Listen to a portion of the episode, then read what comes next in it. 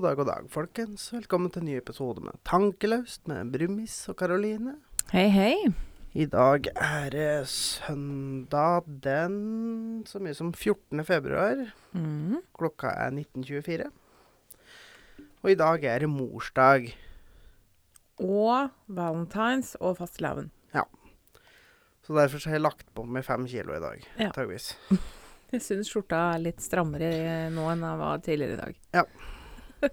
Jeg har knapt opp uh, knappen på buksa og Eh, vi er tilbake etter uh, at det ikke blei noe av forrige helg. Det blei bare ikke tid til det, rett og slett. Å, må ikke du begynne, da? Sorry. oh, eh, hvis dere hører noe uling og piping, så er det fordi Iris er nede mens vi spiller inn. Vi driver og trener litt på å være aleine om dagen. Mm. Så hvis dere hører noe mas fra hun, så er det derfor. Ja. En liten disclaimer der. Mm. Um, ja. Ja. Tenker vi bare kjører i gang, jeg. Ja.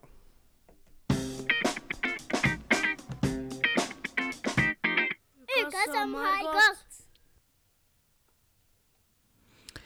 Yes. Over til ukene som har gått. Ja. Jeg noterte meg en sak uh, forrige uke som jeg Mm. egentlig hadde tenkt til å ta med i forrige ukes pod. Mm. Og det var jo at her uh, forrige uke, eller om det var uka før, Mm. uh, så blei det solgt en leilighet i Oslo. Ja.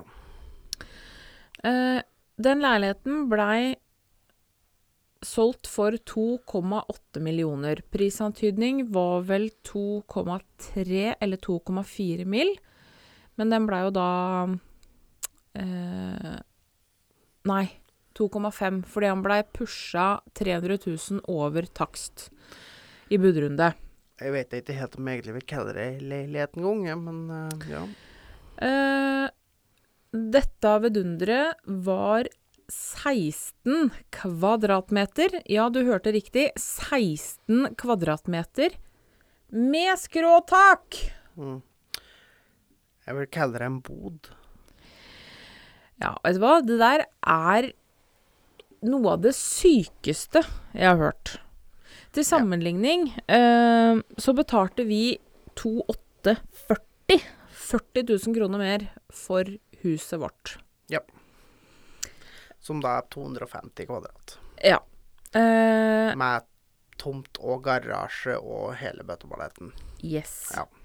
Eh, dette her var da en liten 16 kvadrats leilighet, eh, sannsynligvis på et loft, fordi det Mm. var skråtak, eh, på Sagene i Oslo. Så vi snakker ikke Oslo bykjerne. Nei. Vi snakker ikke eh, Karl Johan. Nei. Vi snakker Sagene.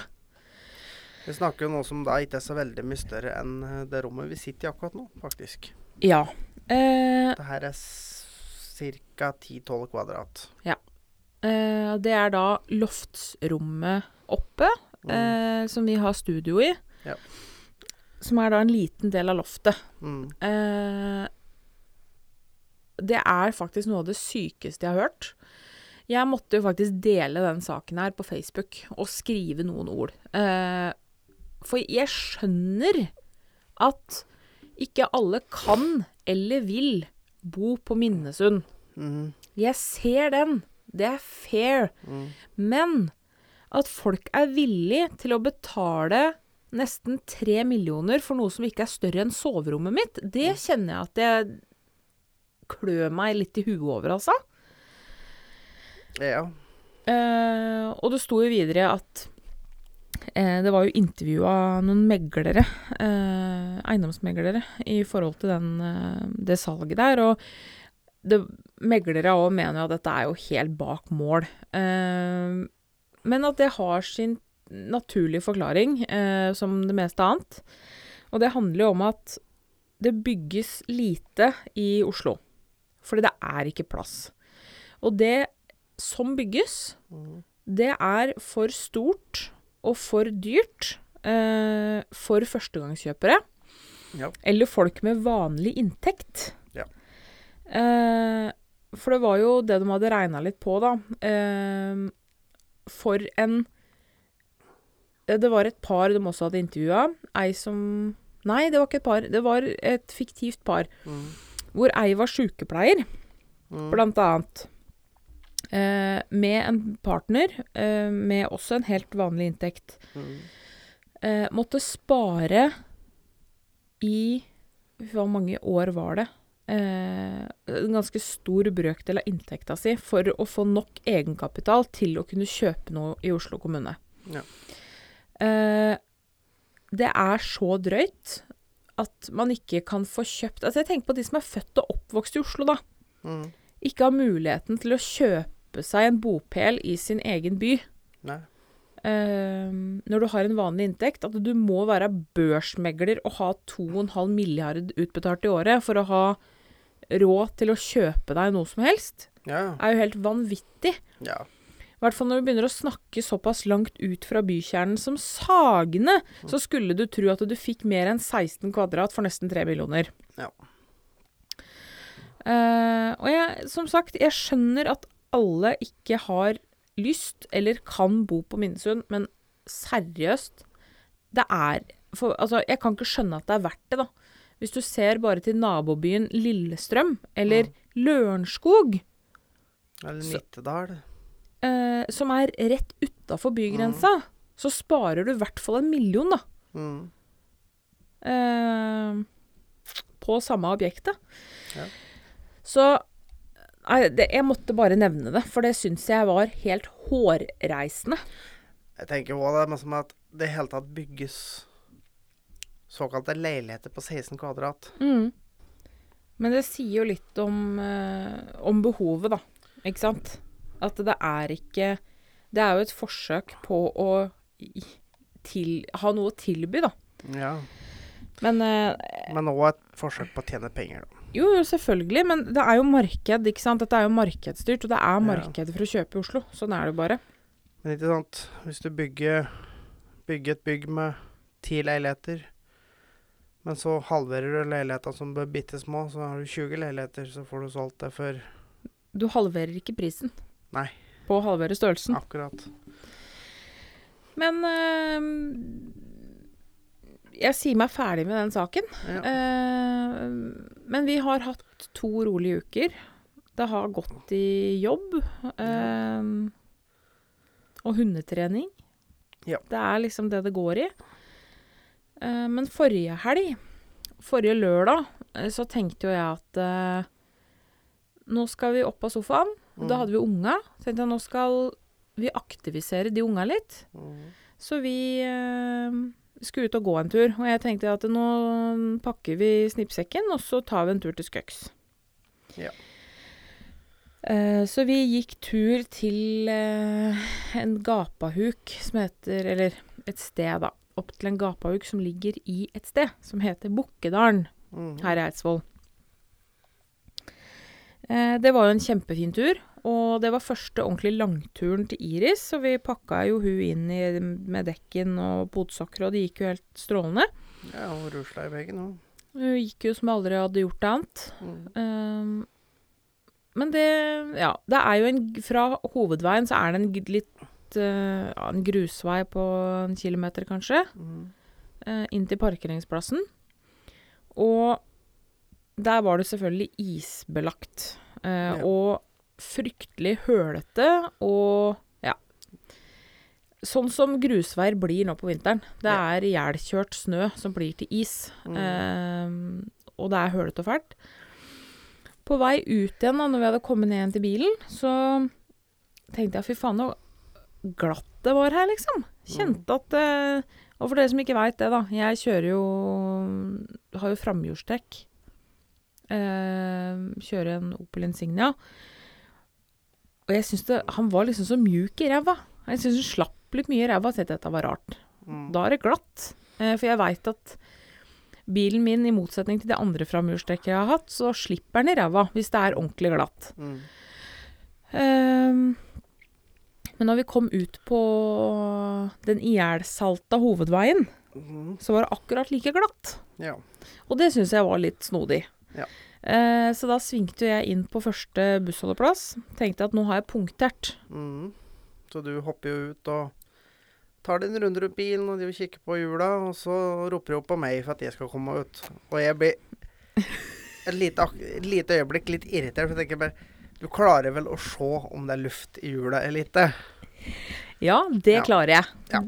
Det, men det var helt ikke det som var problemet, fordi at bakhjulet ditt sto jo i sving.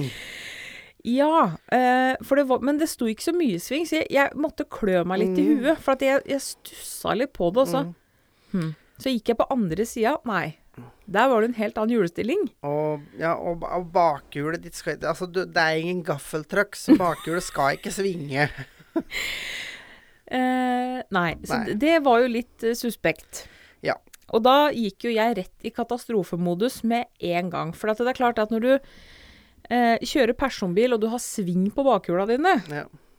eh, så er det jo noe alvorlig galt. Ja. Heldigvis, da, så er dette her ikke så langt unna foreldra mine. Eh, så jeg ringte bare til pappa, for jeg visste at han var eh, hos bestemor. Så jeg ringte til pappa og sa at nå må du dra ræva di hjem. For nå trenger vi bistand. Eh, Ja, så han uh, gjorde å finne fram utstyr og greier, og vi fikk jakka opp denne bilen og men altså Skulle kjøre dit, da. Ja. Det er snakk om ja, par kilometer. par kilometer, ja. Mm. Det er ikke så veldig mye mer, i hvert fall. Og jeg kjente jo det at dette her var jo ikke bra. Og det, det var jo som å kjøre båt, ikke sant. eh, og jeg hadde sånn ca. 45 graders eh, rattomslag. Og selvfølgelig så svingte jo da hjulet ut mot motgående kjørebane, Ja. for sikkerhets skyld, da. Så jeg måtte For det var jo da venstre sida som var problemet. Yes. Ja. Så jeg måtte da ha fem, nei, 45 graders rattoverslag for å kjøre rett fram. Ja. Og dette sklei og seila, og det var jo et helvete. Eh, det gikk i sånn 10 km i timen. Ja. Og når vi kom sånn cirka halvveis, så ringer pappa. Hvor er dere hen, egentlig? liksom. Faen, hvor lang tid dette her tar. Så sier jeg, vi kommer. Ha tålmodighet. Men det, vi kommer sakte, men sikkert. Um, og når vi svingte inn på gardsplassen der, så så jo pappa at jeg hadde sving på bakhjulet. Så Ja. han tenkte jo at eh, fytte katta, dette blir dyrt. Og dere jekka opp, og vi fikk jo tømt bilen for bikkjer og unger og alt som er. Ja. Og dere jekka opp og undersøkte saken. Ja. Og der var det da fremre bærearmen som var knøkket tvers av. Og for dere som ikke er noe særlig mer bilkyndige enn meg, da, eh, eller dårligere, så det er ikke helt vanlig. For det sitter jo i den bærearmen så sitter det en foring i hver ende. Og sånne foringer får man jo mangel på EU-kontroll i hytt og pine. så det er liksom her var det delen mellom foringene. Den Ja. var rett og slett knøkket tvers av. Men den yep. var da, som vi så når vi fikk skrudd den av, så har jo den vært delvis knekt, og det er jo noe rust og greier inni bildet som gjør at den knakk. Og for å si det sånn eh, For han hang igjen i ca. en tredel, for det var det som var eh, rent, eller nytt brudd, da, Ja. som vi så. Eh, og for å si det sånn, da. Eh, jeg er glad for at den bærearmen ikke røyk i 110 km i timen på E6. Ja, det kunne blitt interessant. Det kunne blitt stygt, altså. Ja. Uh, så veldig glad for at vi kjørte på en humpete grusvei. For det var jo sånn, det som på en måte fikk det siste bruddet til å, til å ryke, da. Eller til å komme av. Eh, men eh, så per akkurat nå, da Vi kommer tilbake til det, eller Kommer tilbake igjen til det. Per akkurat nå så står bilen min eh, fortsatt eh, med hjulet av en uke seinere hos mamma og pappa. Men vi har jo heldigvis en bil til. Det gikk jo vi til anskaffelse av i fjor sommer. Mm. Eh, og for en stund sia så punkterte du. Så fikk vi jo tak i noen gamle dekk som det du hadde liggende for en vektra som du hadde for mange år siden. Mm. Ikke vi jo, mange, da. men her snakker vi om da høngamle dekk. Ja. De- Den vraka jeg for en tre-fire år siden. så jeg fikk jo satt på en av de hjula. Det var litt lite luft i. Jeg skulle reise og fylle luft. Fikk ikke i luft i det. Nei, fordi saken var jo den at vi har jo en For dere som er kjent på Minnesund, så er det jo en Circle K-stasjon på Minnesund. Mm. Men den fikk jo Du fikk ikke den pumpa til å funke. Altså, første gangen jeg var på der, så var jo pumpa sunn. Ja. Og andre gangen så vil den jo da ikke gi luft, så jeg kjørte jo til neste stasjon. Som, som da er ei mil unna. Ja. Fikk heller ikke i noe luft der. Altså, den var jo ikke tom. For å si, altså, felgen var jo godt overfor bakken, så Mm. de var jo ikke tom for luft, men fikk ikke på luft på det, og så det når vi parkerte, at det ser vi jo bare utover det siste, så det, det var Det hjulet var nok ikke all verden å ha i utgangspunktet. Uh, nei, men altså Når du kjører med nesten helt flatt dekk, da, så Mm. vil jo det skjære av gummien. Så Ja. Jo. Men uansett, jeg tok med nye hjul, har fylt opp det. Har glemt å bytte det, for det skulle jeg gjøre i dag. eh, ja, så jeg kjører fortsatt med sånn uh, reservehjul. Sånn sykkelhjul med Så, rød ja. felg, vet du dere. Ja. Ja. Det, det er nesten ikke laga merke til. En sølvgrå bil med tre grå alufelger og én rød stålfelg med et sykkeldekk rundt. uh, men jeg hater jo den bilen. Eh, For det er tydeligvis en liten, bitte liten elfeil som gjør at uh, alle instrumentene i dashbordet plutselig bare slutter å virke. ja. Eh, og lysa blunker, og fader, altså. At den bilen ble EU-godkjent, det er et under. Ja, det var ikke Eh. slike problemer på den før nå det ble kaldt, faktisk. Nei. Og da Det som skjer, da, det er det at du Det var etter at den ble strømt om. Ja. Antageligvis så har det noe med lading å gjøre, tror jeg. For det, det, batterilampa kommer når det alt bare forsvinner. Ja, fordi Men han har vært litt sånn kranglete fra dag én. At den eh, Når du har fått starta den, så er det nesten så han kveler seg. Han er nede på kanskje 100 par hundre omdreininger, Ja. og så drar han i gang igjen. Eh, men nå, da, så har du kjørt fire meter, så begynner batterilampa å, da å lyse. Og så forsvinner eh, bensinmåler og turteller og speedometer og hele dritten. Mm. Eh, så jeg, jeg, jeg kjenner at den bilen der, altså med dette reservehjulet i tillegg, da, så føles det ut som du kjører sleda. Faen, altså. Jeg hater den bilen. Og så oppå dette igjen, da, så skal jo den der forbanna Insigniaen EU-godkjennes nå, da. ja, ja. Ja. Det er noen måneder til ennå. Nei, den skal være EU-godkjent innen 18. mars. Mai. 18. mars. Fikk jeg melding om fra NAF her om dagen. 18. mars. 18. mars, ja. Ja, men ble jo godkjent i mai. Yes. 18. mars. Det Eh, der skal jeg sjekke opp. Men uansett, da. anyhow, så skal jo den EU-godkjennes, og det er jo litt småtteri som må ordnes, da. Ja, ja. Før den EU-en. Det ordner seg. Men det jeg skulle videre på, da Vi skal tilbake til den der insigniaen og den delen vi skulle bytte. Ja. For selvfølgelig, vi fikk jo tak i delen. Den kosta hele 350 kroner, så det var jo ikke galt. Begynner å skru. Først Det, det er to skruer. Dette er da på fredag, da. Ja, to, ja, fredags ettermiddag. To bolter er det. Mhm. Den første løsner, ikke noe problem. Nummer to ryk av. Sitt høggen fast, bli sint, prøve alt mulig. Går på med vinkelslipper, skjær driten i filler, får det ut.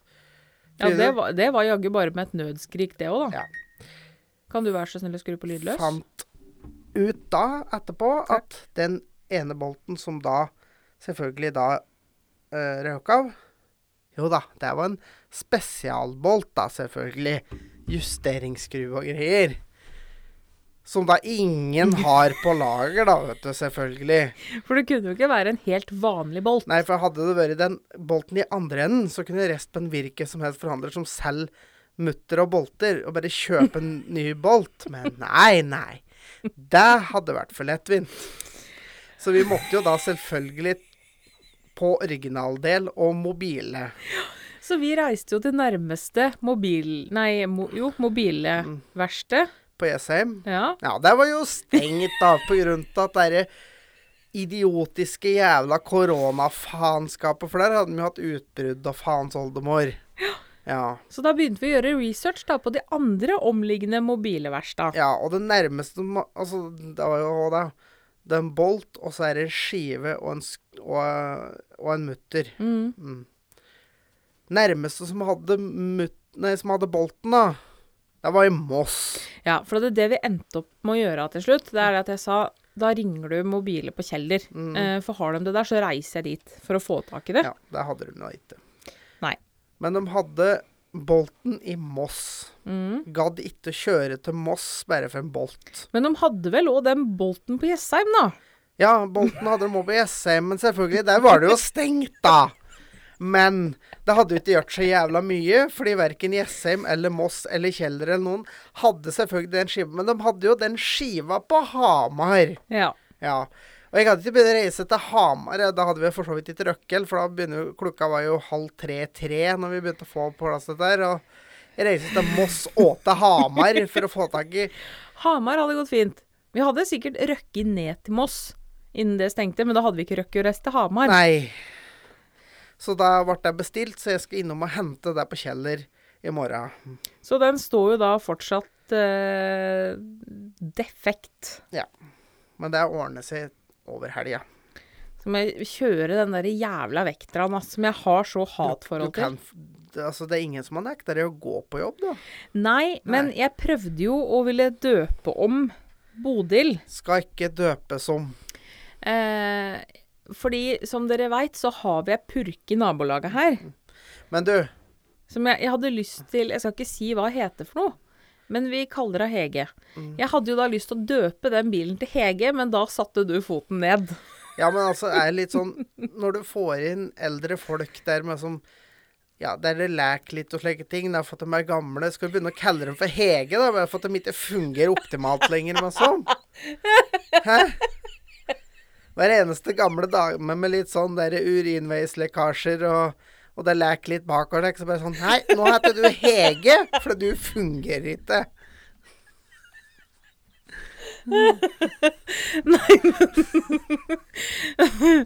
Nei, men saken er jo òg den at han starter jo ikke når jeg vil at den skal starte. Det er jo en sånn jævla mandagsbil. Jeg, Det er liksom minimumskravet mitt, er at bilen starter når Ja, jeg vrir om nøkkelen. Ja, ja, men du må bare vri om nøkkelen et par ganger, så starter den. Ikke et par. Her, når jeg skulle Å, det var tidligere i uka, så hadde jeg vært og levert eh, Iris hos barnevakt. Og så skulle jeg reise derfra på jobb. Ja. Ja, da fikk jeg ikke starte. Tror jeg satt i tre-fire minutter, jeg, og klikka. Og ut med nøkkelen. Stoppe tenninga. Inn igjen. Og kinn... Nei. Og da kjente jeg at den bilen Jævla møkkabil. Så nå, det bestemte jeg meg for det øyeblikket den derre bærearmen knakk. Så bestemte jeg meg for at nå skal jeg ha ny bil. Uh, Altså, dette høres ut som det kan bli dyrt i lengden for hver du nå skal hun ha en ny bil. jo, men jeg har ikke tålmodighet med eh, biler, egentlig. Altså hvor ting ryker. Ja, men altså, uansett hva slags bil du kjøper deg, så vil et eller annet ryke. Jo, men forskjellen her, da, det er faktisk det at eh, på en litt nyere bil Mm. Så har ikke ting sannsynligvis rusta av. Nei, det er noe man tar Nei. Så, for det er sånne ting, og sånn derre møkka-elfeil på den derre forbanna vekteren, at jeg kjenner at jeg har så dårlig Du har elfeil på bilen din, og så bare nappa med deg. Ja, jeg veit det. Ja. Jeg veit det. Så ikke shame bilen min for elfeil når du har det samme på din. Nei, jeg har ikke det samme på min, fordi elfeilen på min, det er at uh, kurvlyset Ja, men du Altså, elf, Det er noe du det, har elfeil, du òg, sånn. Ja, men bilen starter i hvert fall da! Faen! Hjelper faen ikke der, når det bakhjulet ditt svinger. Rævhøl. Ja. Nei, så hvis det er noen som eh, Vi har sikkert lagt grunnlaget nå for en god salgsannonse for en Opel Insignia. Eh, Og en Opel Vectra. To liter diesel fra 2011. Og en eh, Opel Vectra bensin fra 2002. 1,8 liter bensin. Ja. Yes. Så det er bare å hyle ut hvis dere har lyst på ny bil. Mm. Eh, Og så har vi jo i dag feira morsdag, valentines og fastelavn sammen med naboen. Mm. Eh, og vi blei jo forrige uke enige om at Det var forrige helg, Mm. for da hadde du funnet oppskrift på ei kake. Så da blei vi enige om at naboen skulle bake boller, og vi skulle bake kake. Ja. Så eh, jeg har nå herved fått meg en ny favorittkake. Mm. Uh, for jeg er egentlig ikke noe glad i kaker, men hellan dussen, det var godt, altså. Her snakker vi da ostekake med en vri. Ja. Med en kalorivri. Dette er da en Kinder-ostekake. Mhm. Så her har vi da laga bånd med uh, kjeks og Kinder Bueno. Mm. Så har du fyll med kremost, fløte og masse Kinder Maxi. Og så har vi pynta med Kinder Maxi Bueno og vanlig Kinderegg på toppen. Og smelta sjokolade. Ja. kan tru den kaka var kompakt. Den eh, Den seig ikke ned i magen. Den Den krasjlanda. Ja. Eh, vi har jo bare spist frokost Mm. i dag. Eh, det nærmer seg nå åtte timer siden. I mellomtida har vi spist eh, åtte nærmer seg åtte timer. Det er over åtte timer siden. Eh, og vi har i mellomtida spist kake. Eh, og jeg er ikke sulten ennå. Altså, den kaka Tok kaka. Den tok kaka. For dere som følger meg på Snap, så gå inn på øh, storyen min, og så ta en titt på det vidunderet, dere. Oh, yeah. Jeg tror jeg skal legge ut bilde av den på Instagram etterpå. Fytte katta, sier jeg bare. Uh, det var aldeles nydelig. Mm. Anbefaler alle å lage en sånn Kinder Bueno-kake. Ja. Mm, mm, mm. Og så må jeg si, du ser utrolig flott ut i dag, Thomas. Jo, takk for det, du. Eh, du fikk jo en sånn liten valentinsgave du av meg i går. Ja, jeg fikk en ny skjorte. Mm. Mm. For du har jo blitt sånn skjortemann. Ja. Eh, du har jo hatt sånn hatforhold til skjorte hele ditt liv. Ja, egentlig. Men eh, du har blitt en sånn skjortemann Ja. som gjerne har på deg skjorte på fritida. Ja. Så nå har du fått en eh, ny, tynn flanellskjorte Mm. i rød, dere. I rød og blå. Rut, ja, selvfølgelig rutete. Ja. Eh, for dere som kjenner Thomas eh, fra før vi ble sammen, og en stund etter at vi ble sammen, så har jo du kun gått i ensfarga mørke farger. Stort sett. Eh, men den skjorta plukka du ut helt på egen hånd, og det hang andre skjorter på det stativet Mm. som var mye mer diskré. Ja. Men det var skjorta du falt for. Ja. Og jeg må bare si at du kler det veldig godt. Jo, takk for det, du. Du har hatt voks i håret i dag, og har pynta deg litt. Ja. Eh, og det har jo jeg òg, holdt jeg på å si. Det er jo fælt, vet du, den her koronagreiene. Nå har jeg på meg det jeg bruker å ha på meg. Jeg har på meg olabukse, og så en sånn helt vanlig genser. Eh, og sminka meg lite grann. Og jeg føler meg altså så fin i dag. Ja, men du er jo fin. Eh, fordi man er jo ikke ute på noe. Nei. Eh, og jeg gidder ikke å bruke tid om morgenen på å sminke meg når jeg bare skal på jobb og få tiss og bæsj på meg likevel. Så eh, jeg sminker meg veldig lite om dagen. Jeg er jo egentlig veldig, veldig glad i sminke. Eh, og kan bruke timevis på å sminke meg når jeg skal noe. Eh, men det er veldig lite av det om dagen. Så vi har rett og slett eh, valgt å pynte oss litt for hverandre i dag. Jo. Og det er litt hyggelig, siden det er valentines og alt. Jo. For å ta litt vare på kjærleiken. Ja, Ja, det er hyggelig å se hverandre i noe annet enn joggebukse. det er jo det. Så det og så har jeg en par nyhetssaker som jeg også må ta opp. Fordi det er litt i nyhetsbildet som opptar meg om dagen. Mm. Uh, og første saken jeg skal ta opp, det er uh, en sak jeg leste i stad, faktisk. Den handler om uh, norske kvinnelige sexologer. ja. Skal vi se. Eh, jeg skal finne den artikkelen, fordi K Kan jeg gjette på at dette kanskje omhandler annet dickpics? Ja, vet du hva? Oh. Eh, Silje Holtmoen Akø eh, driver klinikk i Sandefjord sammen med eh, sexologkollega og ektemann Even Tyr Bjerkeli. Og, og som for øvrig et godt gjennomtenkt navn av foreldra der, altså. Eventyr. Eventyr. Som jeg faktisk har eh, hørt om eh, fra før. I mannegruppa-podden. Han har vært, um, vært gjest i Mhm. Mannegruppa-podden ved i hvert fall et par anledninger. Yes. Uh, ja, dem driver jo da um, klinikk i Sandefjord. Og nå, uh, for å få bestille time hos Silje, så Mm. må man nå først snakke med Even på telefon. Og hvorfor det? Kan det ha noe med at det er antageligvis noen slibrige menn?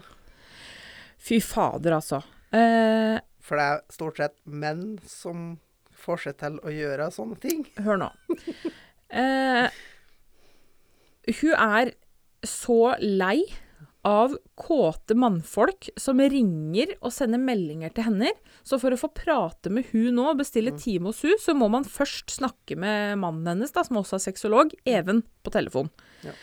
Eh, hun har faktisk skaffa seg hemmelig nummer Ja. uh, på grunn av pågangen. Eh, hun sier at hun og kollegaene eh, legger merke til at eh, stadig flere menn gjør det de kaller grenseoverskridende handlinger. Eh, nå som det er covid og sånne ting, så har de med mye videokonsultasjoner. Mhm. Og der er det nok litt lavere terskel for enkelte til å f.eks. blotte seg. Uh, Jesus. Både hun og en kvinnelig kollega i Sandefjord har fått uh, ubehagelige henvendelser fra en mann med en spesiell fetisj, da. Eh, og hun her, eh, Silje, ble advart av kollegaen sin om eh, en mann som de har valgt å kalle Per, som dukker opp i videokonsultasjoner med den, en fetisjgjenstand. Uh, Jeg kjenner, jeg kjenner jeg blir litt nysgjerrig på hva det er for ja, det lurer egentlig jeg på. Og, men og hvis du uh, Du vet, du sjøl hvis, hvis du hører på, du vet hvem du er. Per. eh, du er et rævhøl.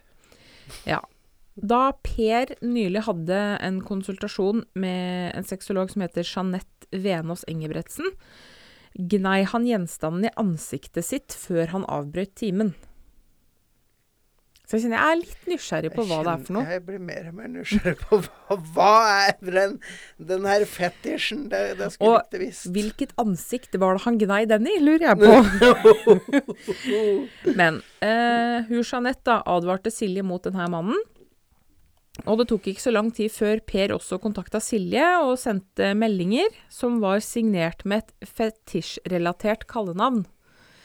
Eh, og det er jo ikke sånn man henvender seg til en sexolog for å Reintøymannen. Kanskje det er Reintøymannen? Jeg bare gjetter. Uh, ja, men det er jo ikke sånn man ber om samtaleterapi. Uh, og hun ba Per om å kontakte sexologkollega og ektemann Even da, for å snakke om fetisjer, men det var han ikke interessert i. Nei, selvfølgelig. Han ville kun prate med Silje. Ja. Eh, og det er Altså, noen kåte menn misforstår jobben min totalt og ser bare ordet sex i sexolog. Og tror det er snakk om at jeg er en sexarbeider. Jeg er jo ikke det. Jeg Ass. tilbyr folk samtaler om seksualitet, sier hun. Altså det, det fins Altså, det er en jobbeskrivelse som beskriver dem du er ute etter, og det er antageligvis en prostituert. Ja. Ja. Eh, men det er jo drøyt, da. At jeg må be kollega og mannen om å ta telefon eh, for henne, fordi at hun ikke orker mer. Eh, det er jo noen som ringer som sier at jeg må snakke med Silje. Eh, og da luker han Even ut de som eventuelt kan bli ubehagelig for Mm. Silje, da. Ja. Eh, og han sier da at hvis en klient ringer og vil prate med Silje, så prøver han å finne ut hvorfor. Eh, en person med åpne hensikter vil jo da kunne klare å svare på hvorfor Mm. og hva de på en måte vil snakke om. Ja. De som bare mm, har lyst til å blotte seg eller være ekkel, de kommer jo aldri til å tørre å innrømme det, så de blir jo blankt avvist. Og her så er det ehm, Altså, hele saken her er jo at det, problemet er jo at det er damer. Mm. Og når de i tillegg da har Altså, for det, er jo en kjent sak. Det er jo damer som er mest plaga med å få bilder av kjønnsorganer og sånne ting. Selvfølgelig. Eh, og når man da i tillegg har ordet sex i arbeidstittel, Mhm. eh, så blir du nok ekstra sårbar eh, for, for griseri, da. Ja. Ehm, jeg veit ikke om du har hørt om sexolog Tone Haldorsen? Ja. Mm. Eh, hun driver eh, en insta Instagram-konto som heter Tone Sexolog. Mm. Ehm, ja. Uh, det er mange Hun sier at det er mange mannlige sexologer i Norge, og ingen av de hun har prata med, har noensinne fått den type meldinger som hun får titalls av om dagen. Titalls om dagen! Ja, men altså Altså, jeg tenker det med som det, det er karfolk som gjør dette her. Ja. Altså Ni og en halv av ti ganger så er det en kar som sender et grisete bilde. Ja, og hun eh, ble jo da intervjua av TV 2, hun Tone. Eh, og hun har vist, for hun tar jo screenshot av mye av dette her, da. Eh, og viste jo eh, blant annet screenshot av noen som spurte om du kunne få se skjeden hennes. Om hun hadde rosa brystvorter. Om hun hadde tegn til noe Nei, hadde tips til noen gode pornosider. Um, Altså Hvis du virkelig trenger tips til gode pornosider, altså Google egentlig hva som helst du tenner på, så får du opp antageligvis 10 000 forslag. ja. Ja. Uh, og hun Tone, da. Mm. Tone Halvdorsen, hun forteller at hun et par ganger har tatt til motmæle når det har gått skikkelig dritt lei Mm. eh, av intime spørsmål og sånne ting. Eh, og da blir hun angrepet av de her mannfolka. Ja, selvfølgelig. Eh, hun sier det 'Jeg kan ha en dårlig dag på jobben', og så tikker det inn et dickpic. Da har jeg svart 'Det er ikke vits å være stolt av den der, bare for å ta igjen'. Og da kommer det tilbake 'Jævla hore, du er stygg, ingen vil ha sex med deg'. Ja, men altså, jeg har sånn derre Og eh, hun ble også møtt med tilbakemeldinger som at du kan ikke være så prippen når du er sexolog. Ja, men altså Å være sexolog betyr jo ikke det at du skal ha sex med folk. Nei. Det i det hele tatt. det med å hjelpe folk med sexlivet. Det er jo der I det går. samtaleterapi! Ja. Ja. Altså, skal du ha, ha noen som jobber med å ha sex med deg, da er vi tilbake på prostituert igjen, da. ja. Ja. Uh, nei, dette her uh, Så hun har jo bare én ting å si, og det er skjerp dere. Virkelig. Gå inn i dere sjøl. Tenk på hva dere påfører kvinner når dere oppfører dere sånn. Ta dere sammen. Og jeg er helt enig. Ja. Skjerp dere, altså. ja. Det der er bare nasty. Og jeg tenker da at eh, jeg er jo inne på tanken om å videreutdanne meg og bli sexolog. Mm. Eh, men jeg kjenner at det, Ja, men jeg skal Eh. passe telefonen for deg. Det går fint. Ja. Du tar den. Nei, Jeg fikser den. Det er ikke noe problem. Nei, men seriøst, altså. Det er faktisk skikkelig, skikkelig nasty. Uh, Altså, hvis du random sender dickpic til noen, så er det 101% sikkert at den personen ikke kommer til å ha sex med deg. ja. Faktisk. Nei, så jeg, jeg syns det er helt drøyt. Mm. Uh, og det siste jeg har å si om den saken Til du som gjør sånn Du er ekkel. Mhm. Og ja, du burde ha hjelp, men Ja. ikke fra en sexolog. Nei. Men fra en psykolog eller en psykiater. Ja. Ja, Så det er kanskje dit du bør ringe isteden. Tusen takk for det. For uh, det er litt sånn når du sender et dickpic til dame, så blir det litt sånn som når katter kommer inn med mus i kjeften. De tenker ja, jeg ser du er stolt, men jeg rører ikke den der. Nei. Nei. Og så eh, denne uka her og forrige uke så har det vært veldig mye blest i media om det faktum at pappaer ikke får være med på fødsel. Og hashtaggen 'jeg føder alene'. Ja. Mm. Uh, og det der syns jeg faktisk er kjempetragisk. Mm. At uh, man ikke Altså, det er ganske stort Altså, du som har Mm. barn, da, du har vært med på fødselen til begge unga dine. Ville du vært det foruten? Nei, jeg hadde, jeg hadde kommet til å rive ned halve sjukehuset for at jeg ikke har fått være med det. Tror du eh, din eks ville vært deg foruten den, de dagene? Nei. Nei.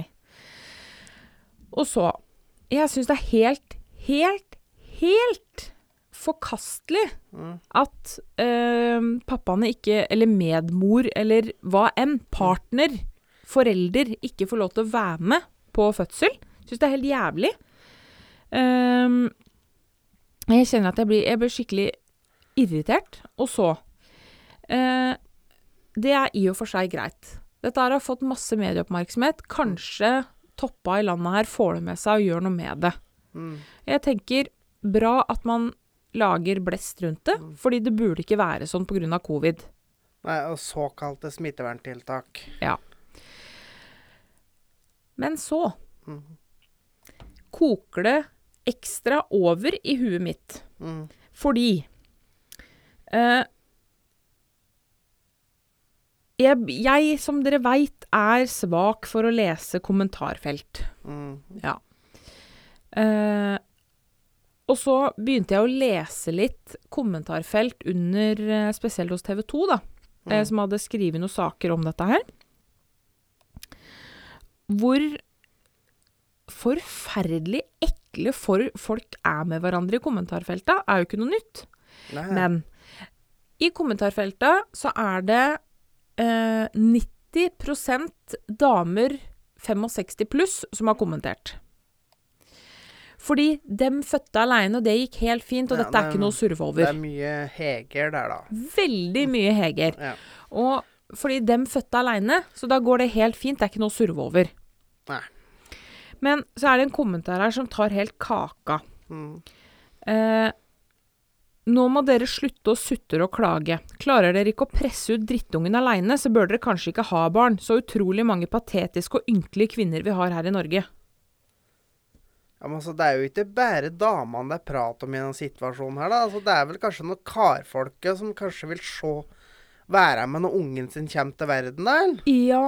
Det har vel egentlig ikke noe med det at damene ikke klarer å føde på egen hånd. Det har vel med at de gjerne vil ha partneren sin der, og at kanskje også partneren har lyst til å være der, da. Ja, for det er jo det at eh, jeg har aldri født, men jeg kan godt tenke meg det at under fødsel, under aktiv fødsel, så har du sannsynligvis nok øh, nok med deg sjøl. Ja, og så har du Matt og folk rundt deg Ja, som hjelper deg, så, Så, det er så, det, ikke så det er greit. ja. Men i det øyeblikket ungen er ute, mm. og du har et, menneske i armene dine Ja. som, som du plutselig skal ha ansvar for ja.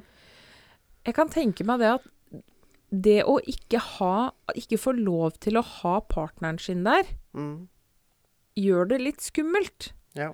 Jeg kan tenke meg at det virker mye tryggere når man er to om det, ikke sant? At man er der sammen. ja. Og for pappaen sin del, å Mm. faktisk få ta del i den største dagen i livet sitt, på en måte, da. ja.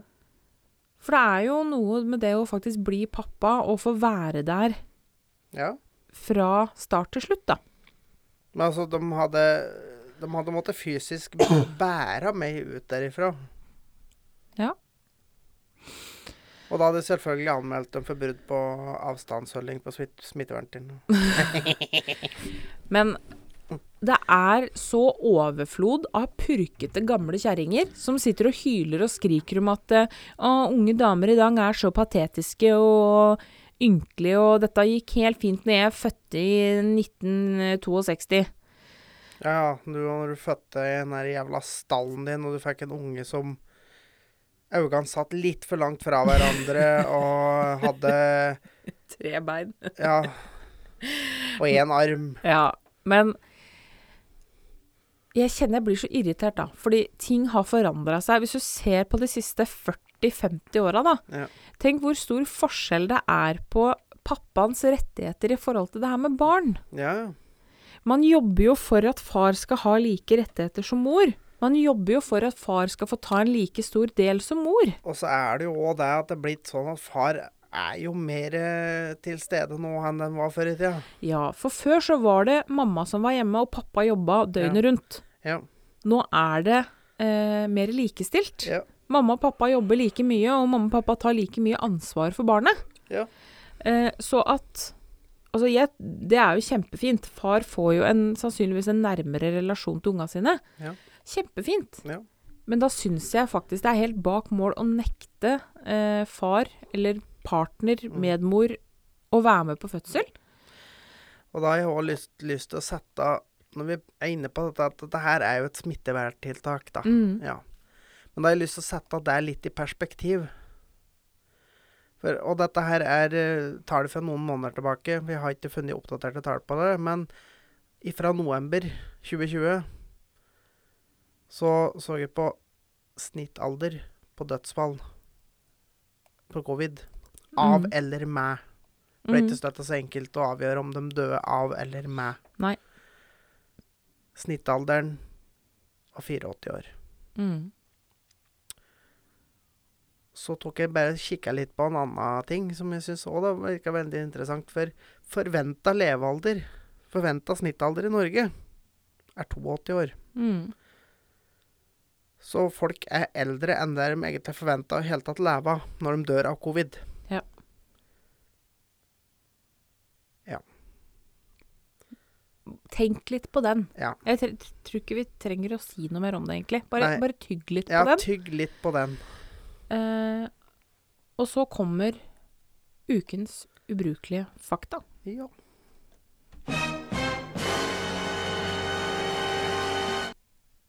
Mhm. Ja, skal vi se her. Og her skal vi inn på en litt, eh, litt artig sak, faktisk. Vi skal prate om krig. Ja, det er artig. Ja, i det tilfellet her så vil jeg faktisk påstå det. For her, snakker vi, her skal vi til en spansk by som heter Huescar. Jeg vet ikke om det uttales riktig. Eh, H-u-e-s-c-a-r. Ja. Ja. Eh, og den var i krig med Danmark i nesten 200 år. Det ble ikke avfyrt et eneste skudd, og ingen døde under den krigen her. Og det er rett og slett fordi at etter at det ble erklært krig i 1809 Det her er vi jo da rundt uh, den tida uh, Napoleonskrigene. Mm. Så erklærte denne byen her krig mot Danmark. Og så ble det rett og slett glemt. en fredserklæring ble signert i 1981 etter at en historiker tilfeldigvis fant denne erklæringa og oppdaga at de egentlig skulle kjempa mot hverandre i de siste 172 årene. Oi sann. Så det må vel faktisk være den fredeligste krigen noensinne. Og lengste. Lengste og fredeligste. Antageligvis òg den lengste, ja. Dæven.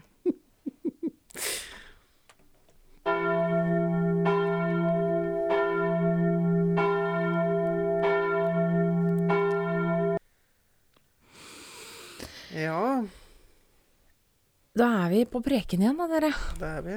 Eh, og denne ukas preken er litt eh, alvorstynga. Eh, denne preken òg. Som det ofte er, egentlig. Ja. Men eh, denne Men det her òg føler jeg er veldig skremmende Ja, i tillegg. dette er skummelt. Mm. Eh, så vil jeg bare på forhånd si at Vi har gjort oss opp noen meninger her. Uh, dette her er Så våre dette- personlige meninger, og uh, om du er enig, til, uh, enig eller uenig i våre personlige meninger, det tar vi lang fart og hopper og driter i, faktisk. ja, men dette er vår personlige mening, Ja. basert på bevis, da. Ba jo si. basert på det vi har uh, fått sett og høre, så er det vår mening Ja. som kommer fram her. Og det, altså bakgrunnen for eh, denne ukas preken, det er en dokumentarserie som vi har sett i helga. Og en podkast som vi har uh, Som vi har hørt tidligere. Ja. Mm. Det omhandler Baneheia-saken. Ja. Det har vel de aller fleste hørt om. For dere som ikke har hørt om Baneheia-saken, jeg har mine tvil, men um, En kjapp gjennomgang. Eh, Baneheia, det er, det er jo da et eh, fri, fritidsområde. Skogsområde. Skogsområde, badeplasser og sånn i Kristiansand. mm.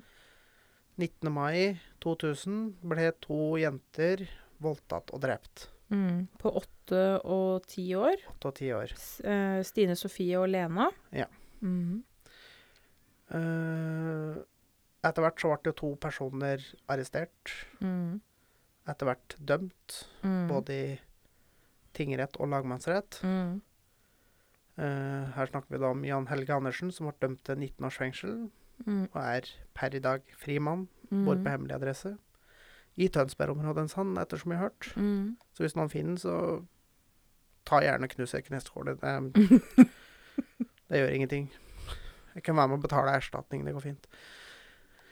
Eh, så har vi da den andre, som eh, heter Viggo Kristiansen. Ble dømt til 21 års forvaring, Mm. som er det strengeste du kan bli dømt til her til lands. Mm. Det er faktisk den samme dommen som Anders Behring Breivik. Mm. Han sitter per i dag på Ila. Mm. Eh, har da sittet der siden 2002, var vel det siste 2001 eller 2002. Ja, han har vel sittet på Ila siden 2001, Ja. Et, eller fra første rettssaken. Mm, Andre rettssaken var i 2002. Ja. Så han har jo sittet på Ila siden 2001, da. Ja. Så han har da sittet der i snart 20 år. Mm. Og antageligvis, ut ifra vår mening, så har han sittet der i 20 år uskyldig. Mm. Og dette her er en veldig betent sak, eh, og det er For det er ikke så veldig mange som vil ta i det her. Og vi ønsker ikke å eh, på en måte lage noe Lage noe helvete, men Mm. eh, ut ifra det For det nyhetsdekninga da, rundt Baneheia-saken Det har jo vært skrevet saker om Baneheia jevnt og trutt siden dette her skjedde i 2000. Og det dukker jo støtt og stadig opp saker i media eh, om det fortsatt. Mm. Eh, og jeg syns Og at, at dekninga er veldig ensidig, Mm. eh, og jeg syns det er vanskelig å få en oversikt over hele saken via å lese massemedier. mm. Så vi har jo eh, Vi er jo veldig interessert i true crime, begge Mm. to. Og ser mye true crime-dokumentarer og hører mye true crime-podcaster og sånn. Ja. og har da fått innhenta litt mer informasjon enn det som står i VG og Dagbladet. Og det er jo det som da jeg syns blir mer og mer skremmende, er jo det at de bevisene som Viggo Kristiansen er dømt på, eksisterer jo ikke. Nei. Han er dømt på et så tynt grunnlag at jeg syns det er skremmende. For da vil jeg egentlig påstå at akkurat i den sammenhengen her, så er det revnende likegyldig om han er skyldig eller ikke. Mm. Fordi du kan kun dømmes på det som er bevist. Mm. Han er dømt på føleri. Føleri og indisier. Mm. Svake sådan. Og det eneste han egentlig er dømt på, Mm. det er forklaringa til medskyldig. Eh, Som da var leda inn på det og har forandra forklaringa si mange ganger. Fordi at politiet har påpekt at han har fortalt feil i forhold til de bevisene de har funnet. Så har han forandra forklaringa si gang på gang på gang for å Mm. passe eh, til det bildet som politiet har malt. mm. Fordi Vi kan bare forklare litt om saken, da. Eh, fra starten så Det gikk jo noen uker fra eh, ugjerninga blei begått, til eh, disse her to ble kalt inn på avhør. Mm. Fordi eh, disse var kamerater og hang mye sammen, og du fikk ehm, Altså Viggo Kristiansen var ingen eh, saint. Altså, han var ingen Altså. Han var en litt trøblete ungdom mm. eh, som da selvfølgelig stakk seg ut, og ble egentlig en easy target. Og ja, han begikk overgrep mot ei yngre jente når han sjøl var mindreårig. Mm. Som han da har innrømt og Mm. stått for og beklaga og tatt sin straffer. Mm. For det også, han ble også dømt for det i Mm. samme rettssaken, da. Ja. Eh, men eh, det, Jan Helge Andersen, han tilsto jo Ja. eh, etter en, var det en halvtime i avhør. Eh, han tilsto da med å dra med Viggo Kristiansen inn i den saken. Etter at han eh, som avhørte den, sa kan det ikke være sånn at du kanskje også er litt offer i denne saken her? At det er kanskje kompisen din som, som var den som gjorde mest, da? Og da har du jo leda han inn på en mulighet til å komme seg litt uh, billigere unna sjøl, da. Ja. Og det skal òg sies at uh, avhøret av Jan Helge Andersen starta på ulovlig vis fordi de venta ikke til advokaten hadde kommet til stedet. Nei. De starta avhøret før advokaten hadde kommet. Det er ikke lov. Ehm, og det her er jo gjengs over. Han har jo endra forklaringen fem-seks ganger Mm. i løpet av um, avhørsperioden som gikk over i løpet av det var fire-fem måneder. Motfør Viggo, som har forandra forklaringa si én gang, og det gjorde han uoppfordra fordi at han eh, hadde først sagt at ikke var i Baneheia den dagen, men så hadde han Det her var jo i hvert fall et par-tre måneder etterpå. Mhm. Så han sa det at uh, etter han hadde forklart det første gangen, så sa han at 'jeg har glemt det, men ja, jeg var der den dagen', men han hadde ment det var dagen før. Mm. Fordi ifølge Viggo Mm. så har jo han vært i kontakt med noen som på en måte minte på at Ja. han hadde vært der oppe. Mm. Og da, når han ble kalt inn til neste avhør, så starta han avhøret med å si 'Jeg sa feil i forrige avhør. Jeg var der'. Ehm, 'Jeg gjorde det og det. Jeg reiste hjemmefra sånn og sånn. Jeg gjorde det og det i Baneheia. Så reiste jeg hjem'.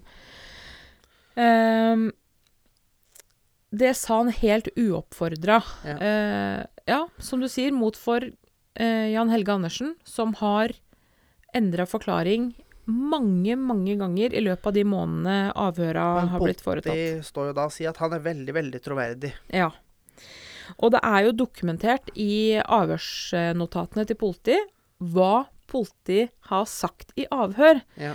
Det er jo svart på hvitt beskrevet at dem eh, leder eh, Jan Helge Andersen inn på et spor Ja. dem ønsker, fordi det passer med resultatet dem ønsker seg. Og det Ja. er jo å få dømt begge to.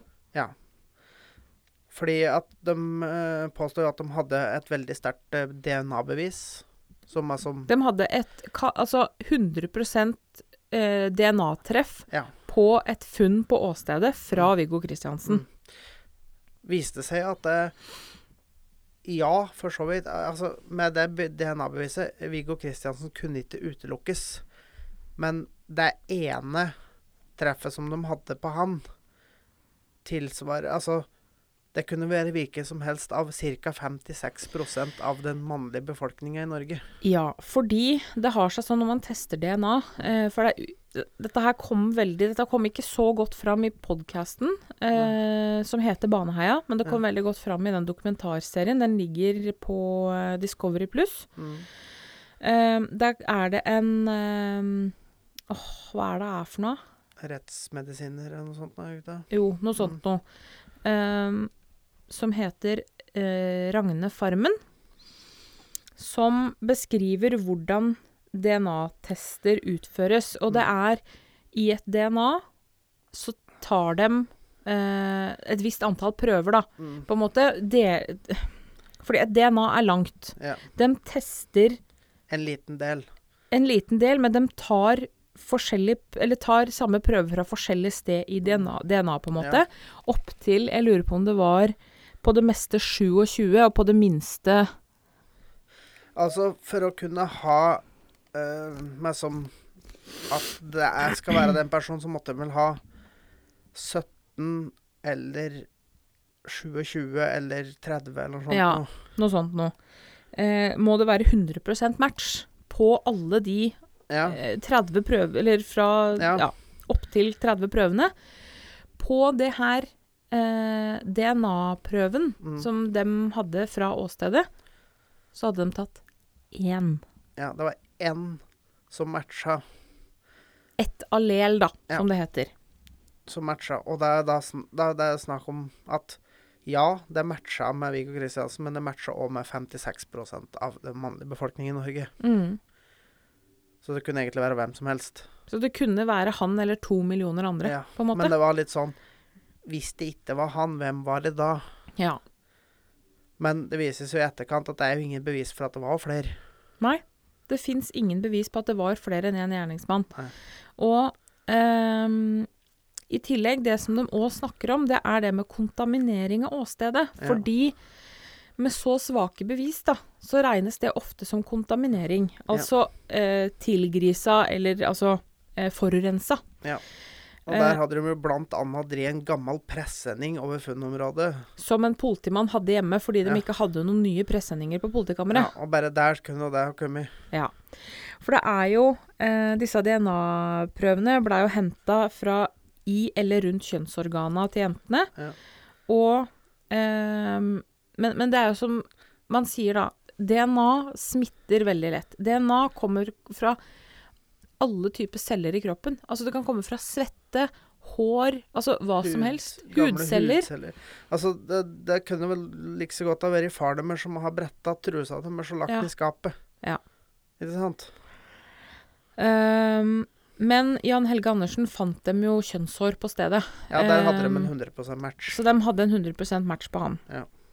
Men den andre var Viggo, eller 56% av alle andre menn i Ja. Norge. Eh, Eller kontaminering fra noen som har eh, hatt med liket å gjøre. ehm, og det andre um, Åh, hva var det andre den dømte den på?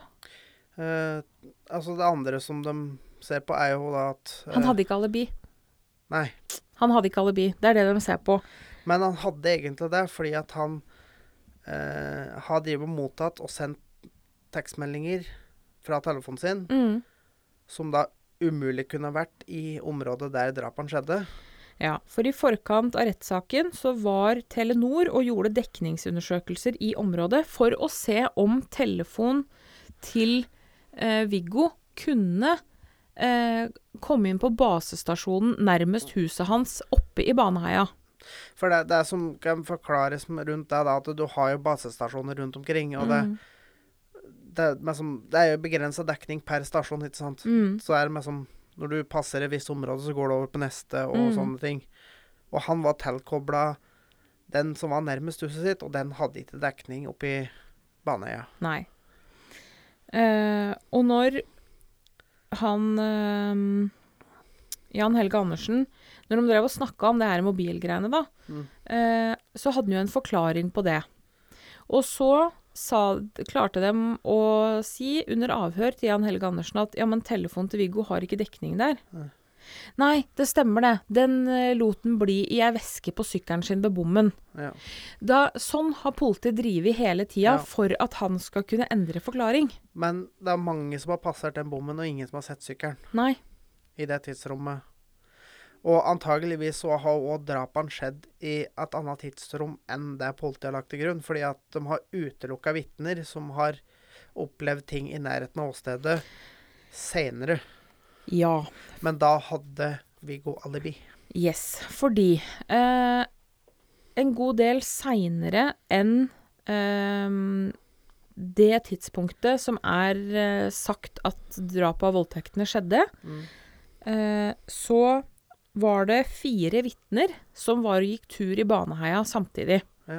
Og omtrent på samme tidspunkt, på Ja. forskjellige steder i Baneheia, så hørte de skrik Mm. og kvister som knakk. Og eh, altså, det var jo noen som trodde det var et stort dyr som drev og trampa ned kvister. Mm. De hørte hyl og sånne ting fra drapsstedet. Ja. Fra forskjellige kanter, eh, for der går det turstier på kryss og Mm. tvers. Ja. Og når de lydene her eh, forekom, og disse vitnene opplevde det, Ja. så var Viggo Kristiansen hjemme og hadde alibi fra hele familien sin. For da Ja. var han hjemme. Ja. Um, men de vitnene, de vitneutsagnene, Mm. de er ikke brukt i rettssaken, dere. De er holdt unna. Fordi og, det de- passer jo da ikke til den tegninga politiet ville tegne. Nei. Så eh, de vitneutsagnene her er det jo bare politiet som har hatt tilgang til fram til eh, nå. Når Altså, når eh, Viggo har jo prøvd å få saken sin gjenopptatt nå, er det sjette gang? Sjuende nå. Sjuende nå. Han Mhm. prøver å få saken sin gjenopptatt. Eh, og det er jo ikke før nå politiet har gitt fra seg de, eh, de vitnebeskrivelsene der. Mm. Så det er ikke før nå kjent for forsvarerne til Jan Helge Andersen og Viggo Kristiansen at det var vitner som observerte noe seinere enn antatt gjerningstidspunkt. Ja. Det er ikke kjent før nå. Nei. Og nå har jo Viggo har jo ehm, Sigurd Klomsæt, blant Mm. annet, som advokat, som står på jævlig hardt. Han det er jo han som har hatt saken hans gjennom alle de gangene de har prøvd å få den gjenopptatt. Ja, og en først advokat som Sigurd Klomsæt tar ikke en sak som han regner med å tape. Nei. Og det kan jo sies at når vi så på filmsnutter og sånn fra første rettssaken Den første advokaten til Viggo virka som en jævlig stor dust. Han var helt dott. ubrukelig. altså Han kunne antagelig fått frikjent den hvis han bare hadde gjort ting riktig. Ja. Og eh, tre år De første tre åra han sona, Ja. så jobba de jo med eh, gjenopptakelse. Ja. Han ønska gjenopptakelse. Ja. Eh, og han sa til Viggo at han Ja, han jobba med saken. Mm. Og så var det noen andre Og faren hans hadde tilfeldigvis møtt en Yes. advokat på butikken, og han sagt at nei, han hadde lagt saken død, han. Ja. Men det hadde han ikke fortalt eh, Viggo. Nei. At han hadde lagt den saken død. Og da hadde jo psykologen hans på, på Ila? I, ja, på, i fengselet sagt kanskje du burde bytte advokat. Ja. Men da hadde han jo sendt rundt, og det var jo ingen som ville ta igjen den saken. Og det er jo for at dette her er en så betent sak, da. Og da hadde vel han eh, psykologen sagt ta kontakt med Sigurd Klomsæt. Mm. Og der hadde jo For Klomsæt er jo intervjua mye Ja. i den dokumentarserien her. Og han forteller jo det at han eh, ga Viggo klar beskjed om at jeg kan godt ta saken, men jeg har noen premisser. Mm. Nummer én jeg bruker alle midler jeg ser nødvendig. Mm. At du har ikke noe Du har rett og slett ikke noe med hvilke midler jeg bruker for å oppnå gjenopptakelse. Ja. Nummer to Er du skyldig, så kommer jeg til å finne ut av det. Ja. Eh, altså, det var liksom det som var. Uansett om du er skyldig eller uskyldig, så kommer jeg til å finne ut av det. Ja.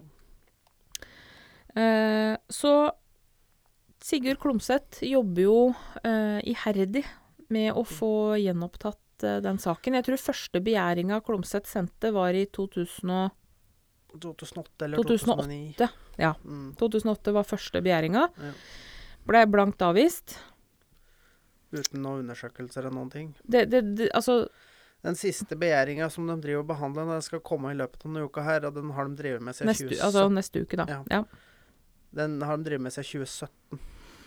ja. Så de har snart drevet med den saken i fire år. Ja. Eh, så det er tydelig at her har de Nå jobber de virkelig for å finne ut av eh, om det er verdig for gjenoppdagelse. Før så har de jo bare fått blankt avslag. For de skal jo ikke Det, det er sånn også som er med gjenopptakelseskommisjonen. De skal ikke vurdere skyld eller ikke. De skal vurdere om bevisene tilsier at det skulle blitt anna, et annet utkom, da. Mm. Utfall. Utfall. Mm.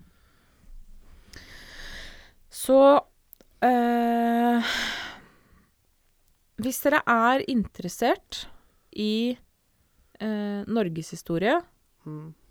rett og slett, så anbefaler jeg dere å både høre podkasten Baneheia og se eh, Dokumentarserien. som heter Baneheia Åh, Den har en sånn undertittel, men jeg husker ikke. Men den ligger, dere finner den hvis dere søker på Discovery Pluss.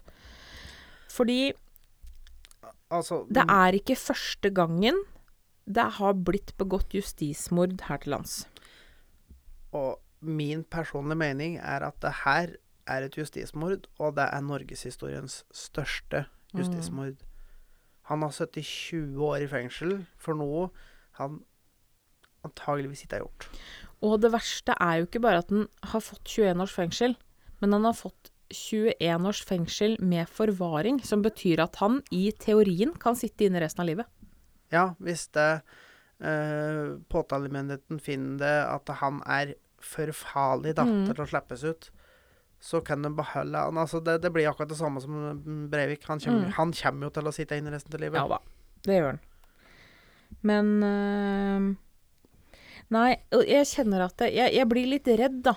Eh, at man kan At man kan dømmes på så svakt grunnlag. Det eneste han teknisk sett er dømt på, er forklaringa til Jan Helge Andersen. Som, Som, da var veldig troverdig. Som han da har forandra mange, mange ganger. Ja, Politi mener jo det at den er veldig troverdig. Eh, men den er forandra, og det er ikke bare smådetaljer som man kan glemme, og sånne ting som er forandra. Det er hele forklaringa. Ja, ja, for det, først så hadde han voldtatt den ene dam, eller ene jenta, og så hadde han voldtatt den andre jenta, for det var der de hadde funnet bevis. Og så Mhm. da forandra han den historien, og så Ja, fordi han sa jo først at ja, han hadde øh, hadde voldtatt og drept hun enten eldste eller yngste. Jeg husker ikke. Og eldste. Ja, hun eldste. Og så informerer politiet under avhør om at jo, men det er jo den yngste jenta vi har funnet DNA-et ditt på. Ja, stemmer. Det var den yngste jenta jeg voldtok. Ja. Sånn har det vært hele veien. Og så har han jo da sagt at ja, men han var tvunget til det, da. For det var Mm. han eh, Viggo som tvingte han til det. Mm.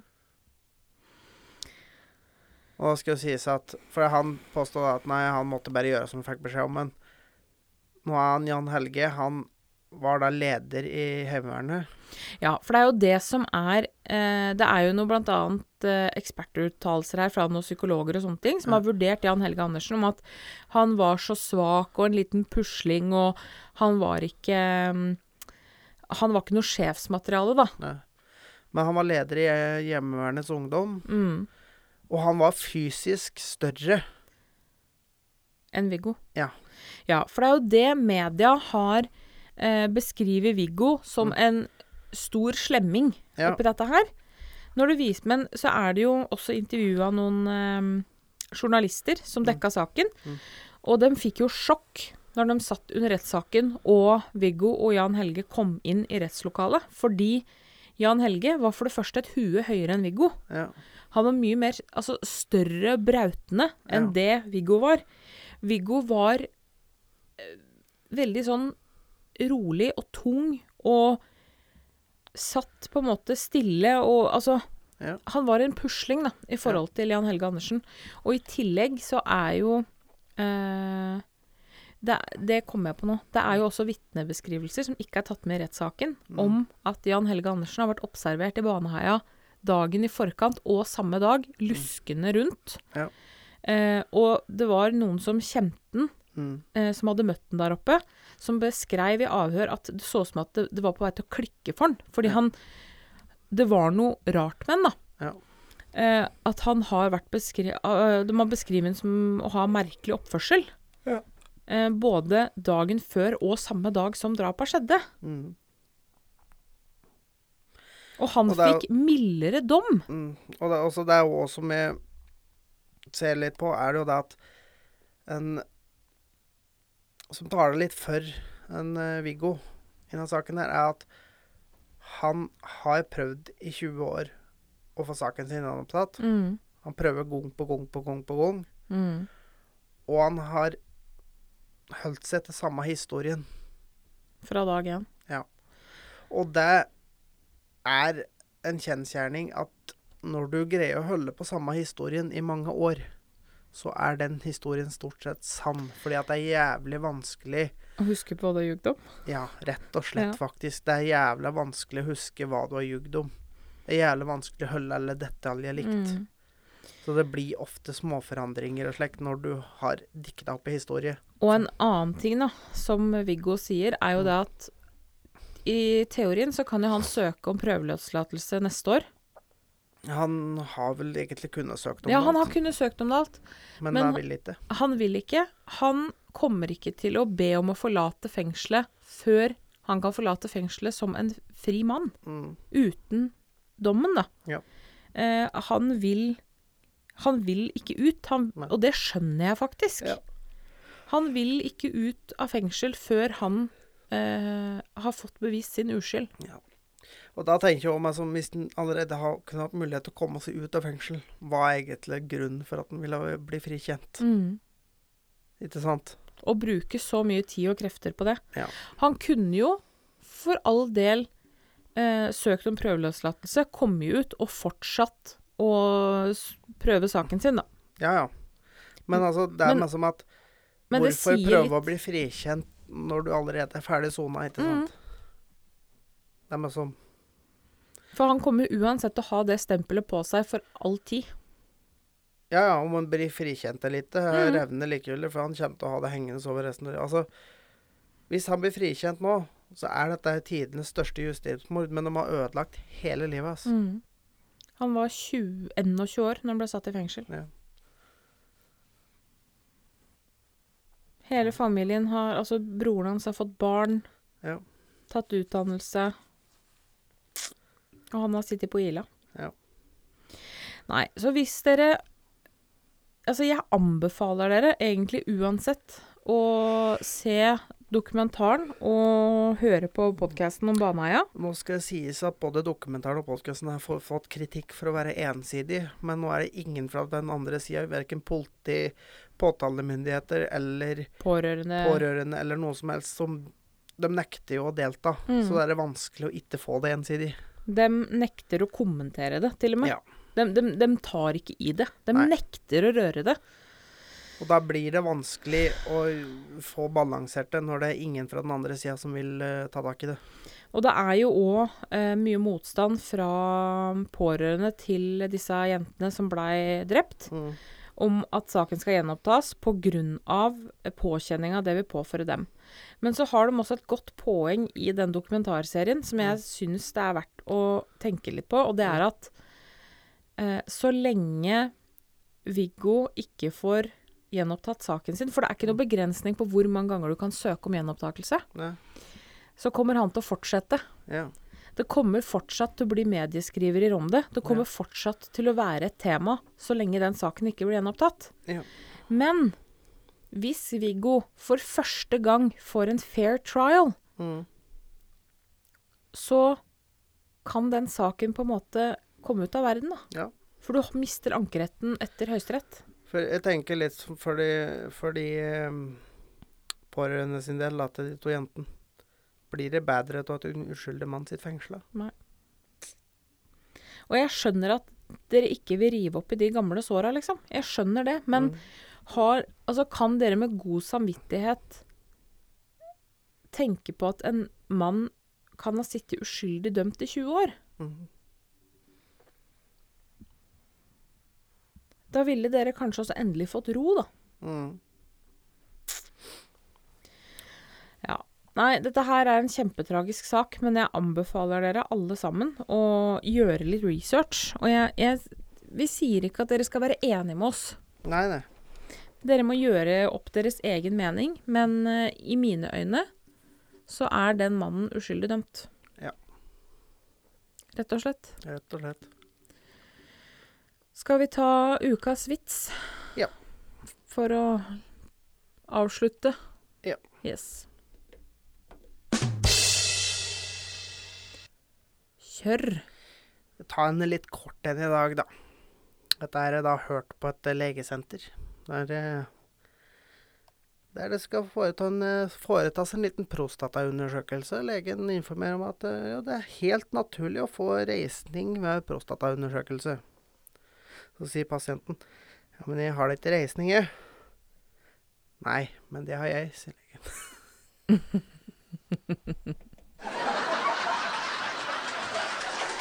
En liten kortlatter på den. Mm. Apropos prostataundersøkelse, der må jeg faktisk eh, Der må jeg faktisk komme med en anbefaling, også en liten sånn anekdote. Fordi jeg hører eh, om dagen på en podkast som heter Pottitpodden. Å ja, den er fra Toten. Ja, den, eh, det er to karer fra Toten som går gjennom Totenblad eh, hver uke. Og eh, det er ustyrtelig morsomt sjøl om jeg ikke er fra Toten. Så jeg anbefaler alle å sjekke ut den. Men jeg er ikke helt à jour enda. Eh, men det var eh, Så jeg hørte i stad på en episode som var spilt inn i november. Eh, hvor de hadde besøk av, for dere som er kjent med urbane totninger Så Ida i Urbane Totninger, hun er jo lege. Ja.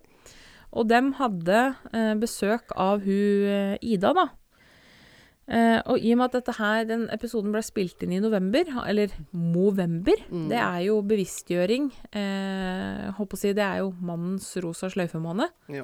Blå sløyfemåned. Bevisstgjøring av uh, prostata og testikkelkreft. Ja. Uh, og da fikk han ene utført en prostatasjekk av hun legen under innspilling. Og det, det syns jeg var På gamlemåten, da, sikkert. Ja, med finger i rumpa. Med finger i rumpa. Eh, noe jeg syns var ustyrtelig morsomt. Ja. Eh, og da må jeg bare få si det. Jeg veit ikke åssen det er å få å si, en finger på prostata. Fordi jeg, har, jeg veit åssen det er å få en finger i rumpa, men jeg har ikke prostata.